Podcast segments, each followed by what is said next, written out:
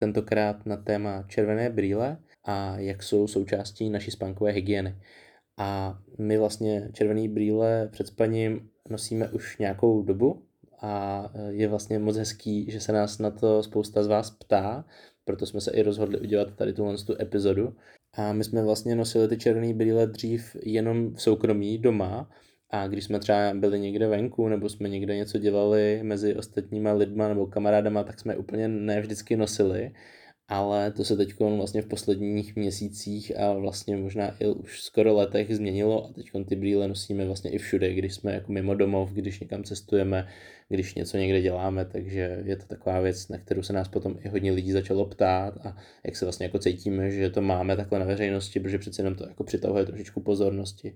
A pro nás se to vlastně stalo taky jako téma, který je pro nás důležitý a ten cirkadiální rytmus je pro nás důležitý, takže si ho jako hlídáme. No a tady ta epizoda tady bude o tomhle. No a teď se teda přesuneme v historii k prvním očím, který tak nějak vlastně jako vznikly asi nějakých 541 milionů let zpátky. Byly to teda trilobiti, který měli první složený oko a nebylo to teda úplně oko v plném slova smyslu, bylo to to, co je blíž podobný právě hmyzu, ale bylo to vlastně taky jako první oko, který už bylo složitější, nevnímalo jenom světlo a tmu, jako některé jednobuněční organismy, ale bylo to něco, co už vlastně se dá považovat za právoplatný oko. Tady v tomhle tom ale vidíte, že vlastně ta evoluce stejně ještě jako dlouho trvala, než se to dostalo do té podoby, jaký to oko je právě teď. Je hrozně důležité si uvědomit, že to světlo mělo obrovský vliv na celou tu naší evoluci, protože to světlo skrz to oko je to, co vlastně řídí a nastavuje a vlastně každý den resetuje ten náš cirkadiální rytmus. Co je to teda ten cirkadiální rytmus? Je to vlastně rytmus našeho těla, podle kterého se řídí naše hormony a procesy. Je to to, jak jsme vlastně přes den aktivní, jak máme energii, kdy potřebujeme spát a tohle to všechno vlastně je nastavovaný a řízený především tím světlem. Mimo jiný teda taky příjmem potravy a třeba fyzickou aktivitou a to světlo je vlastně takový ten stěžení, který to řídí a nastavuje. To, jaký vlastně vliv a jak moc je to důležitý pro to tělo a jak moc je to vlastně zapsaný v našich genech, prokázalo i několik experimentů. Eh, jeden, který se před eh, několika desítkama let konal v kalifornských eh, jeskyních, byl založený na tom, že skupina vědců se vlastně zavřela na několik dnů do jeskyní, které jsou velice hluboký a nesvítí tam teda tím pádem žádný světlo. Oni sebou neměli ani žádný umělé světlo. Vlastně celý ten jejich kemp byl vlastně postavený tak, že všechno, co vlastně by vydávalo světlo, bylo odstíněné tak, aby opravdu žádné světlo nevytvářelo. A oni se tam vlastně měřili, bydleli tam, žili tam a e, zjistilo se podle toho jejich měření, že vlastně byli schopní tam spát a probouzet se opravdu jako ve stejném cyklu, jako když by tam to světlo bylo, bez toho aniž by tam to světlo bylo. Bylo to jako zhruba 24 hodin, nebylo to úplně přesný na minuty, ale ono, jak víte, možná ještě ze základní školy, tak ten cyklus toho dne a noci taky není úplně přesně těch 24 hodin, co se učí, ale právě proto máme že ten přestupný rok. Je určitě důležité zmínit, že v roce 1752 je teda datovaný objev elektřiny a tam vlastně během průmyslové revoluce se začínalo vytvářet umělé osvětlení. Z začátku to teda byly především lampy ve stylu hoření, což nebylo až tak špatný a škodlivý pro to naše tělo, ale vlastně byla to věc, která začala narušovat ten přirozený řád toho světla a tmy. A to, co pro nás je ale nejzásadnější, je, že kolem roku 1850 se vlastně začala šířit elektřina jako zdroj osvětlení a vlastně umělého osvětlení a to už samozřejmě začal být celkem problém. Eh, je důležité si uvědomit, že je to vlastně jako relativně nový, protože to není tak dlouho. Co je tady ještě důležité zmínit k tomu světlu, tak uh, jsou vlastně Kelviny. Kelvin je jednotka teploty světla, nebo samozřejmě jako jednotka teploty obecně, ale používá se i ve svítivosti. A uh, čím větší vlastně stupně toho Kelvina to dané svítidlo má, tak vlastně tím víc jasnější, bělejší to světlo je. Naopak zase čím menší ta jednotka toho Kelvina je, tím víc to jde vlastně postupně do červena až jakoby do ztracena. Jo, je to vlastně taková ta teplota barev. Je hrozně důležitý, eh, že to naše oko vlastně vnímá tu teplotu těch barev a podle toho se tam aktivují určitý složky, o tom ještě budeme mluvit a jde to vlastně jakoby do toho našeho vnímání a ten mozek dostává ty signály a i podle tohohle z toho je to hodně ovlivněný.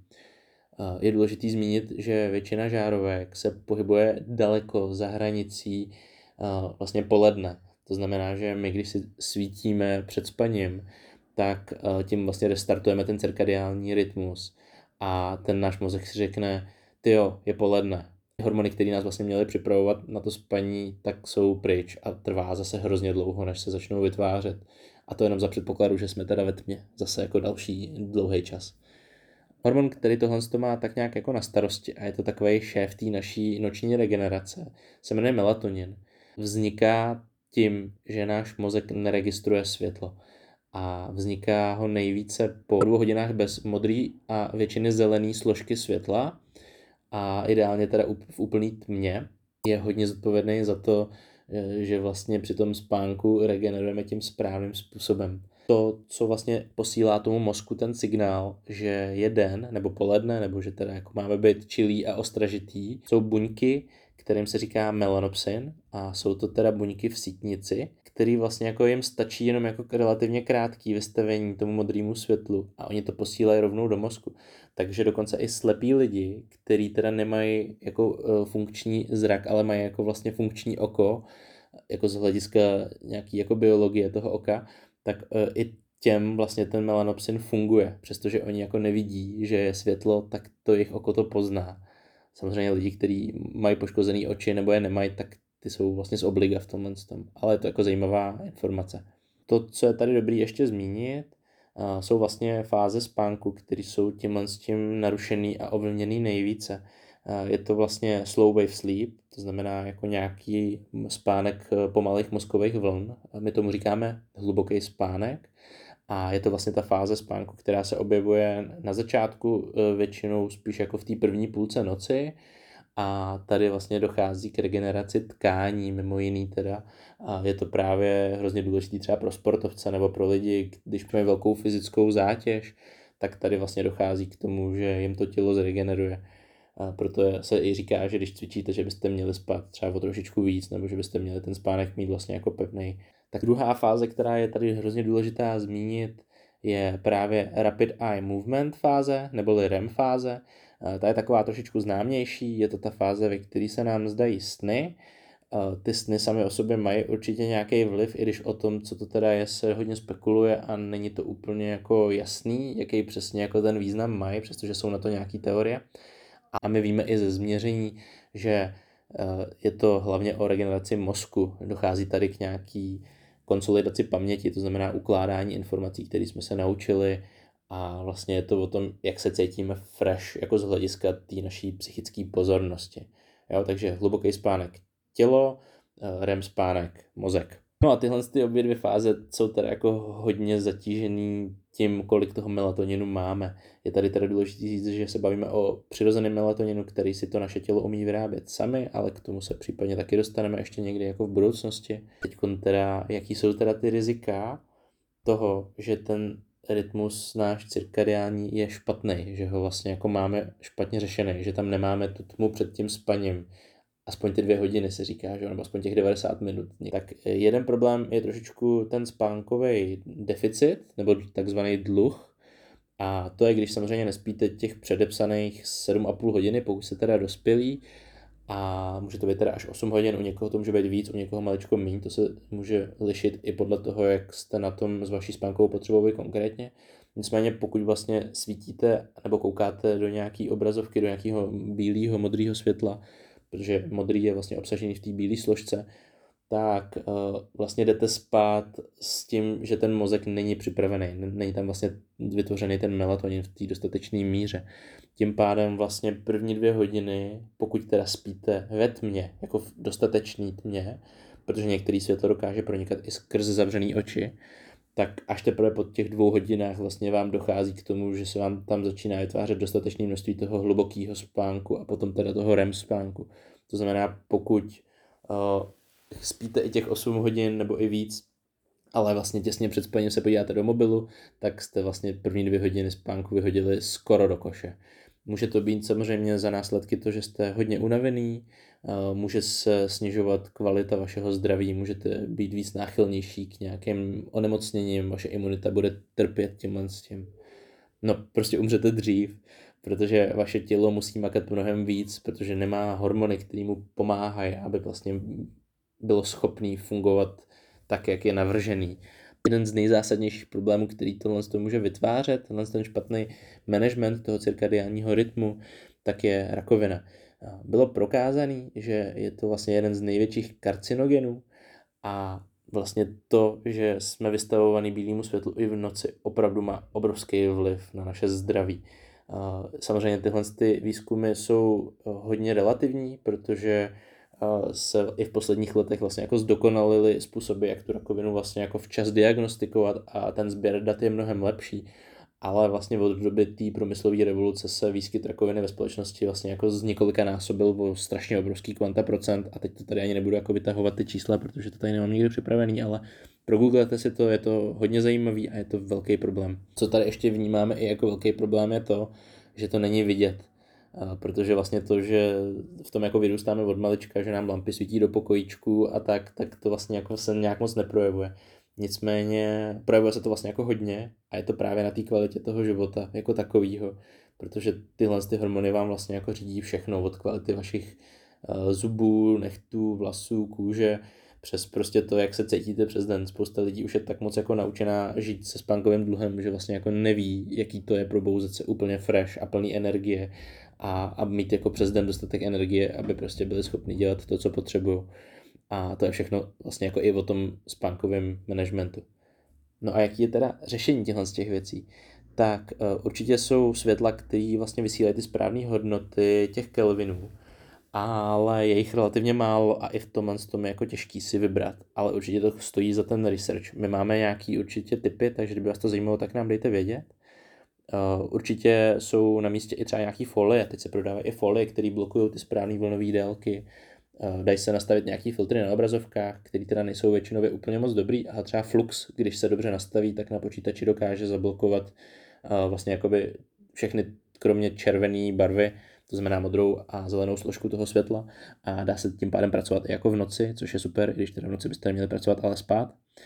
A určitě svíčky jsou docela dobrý, protože oheň, na to jsme zvyklí, protože evolučně jsme se prostě scházeli u ohňů a ten oheň nevyzařuje tak vysoké hodnoty té svítivosti, aby nám to jakoby rušilo ten spánek do takové míry. No a nebo můžete samozřejmě být teda pod mě, a nebo vlastně vynechat ty technologie ty dvě hodiny před spaním, což se doporučuje a je to velice zdravý. No a poslední a vlastně jako takový nejlepší řešení jsou právě ty brýle blokující modré a zelené světlo. Je to teda, jako jsou to specifické hodnoty, specifické dílky toho světla a my je používáme a jsme s nimi teda strašně spokojení, protože je to hrozně dobrý hack, jak vlastně jako být i ve městě. A města jsou tak osvětlený, že fakt jako nepotřebujete nic jiného než ty brýle a je to strašně super a hrozně to doporučujeme a cítíme se díky tomu fakt strašně dobře. Těch brýlí by se teda akorát nemělo řídit kvůli bezpečnosti, ale to si všechno určitě jako zjistíte, když si je budete pořizovat, protože přece jenom jako je v nich ta viditelnost o trošku horší. I tím, že nevidíte teda všechny barvy úplně jako tak, jak vypadají v normálu. Těch brýlí je vlastně jako mnoho typů, ale je strašně důležitý vybrat ty správný. My bychom tady chtěli vyzdvihnout Hinka Medřického, který je určitě i jeden z hodně kvalitních zdrojů, na který se můžete podívat. Já jsem se s Hinkem potkal asi dvakrát osobně. Je to hrozně fajn člověk, vlastně vyrábí produkty, které jdou přímo tím, tím správným směrem toho té blokace modrého světla a fakt ví, co dělá. Uh, nemáme s ním teda žádnou spolupráci, ale jeho brýle jsme doporučili už jako mnoho lidem a budeme v tom pokračovat i dál, protože dělá fakt skvělou práci a je to boží. Takže kdyby náhodou Hinek poslouchal, tak ahoj Hinku. Uh, zajímavý a docela dobrý zdroj k tomuhle tomu je ještě knížka Proč spíme od Matthewa Volkera, který hrozně dobře popisuje tady tohle téma a fakt to stojí za to si to přečíst, protože se tam dozvíte hodně principů a jak vlastně jakoby ten cirkadiální rytmus ovlivňuje ten náš spánek. Mě dobrá je potom taky knižka Cirkadiální rytmus od uh, doktora Sačina Pandy, který tam taky popisuje tohle ty témata a dívá se vlastně jako na celkově ten komplexní rytmus celého toho dne, nejenom na ten spánek, ale i jak to ten spánek ovlivňuje. No a tohle to téma je teda samozřejmě jako hodně komplexní, dalo by se o něm mluvit taky celý hodiny, je možný, že o tom někdy natočíme nějaký velký podcast. Každopádně, pokud by vás zajímaly nějaké konkrétní věci k tomuhle, tak se určitě ptejte a určitě to není naposledy, co o tomhle teda od nás slyšíte, protože my tyhle ty brýle opravdu sebou vozíme úplně všude a jsou naprosto boží a vlastně opravdu se díky tomu cítíme vodost líp a to, že to blbě vypadá, je nám vlastně úplně jedno. Vlastně se nám to i docela líbí, takže ono to vypadá blbě jenom, když na to nejste zvyklí. A to je problém těch okolo. My spíme dobře a spíme zdravě. Spěte taky zdravě a mějte se hezky. Ahoj.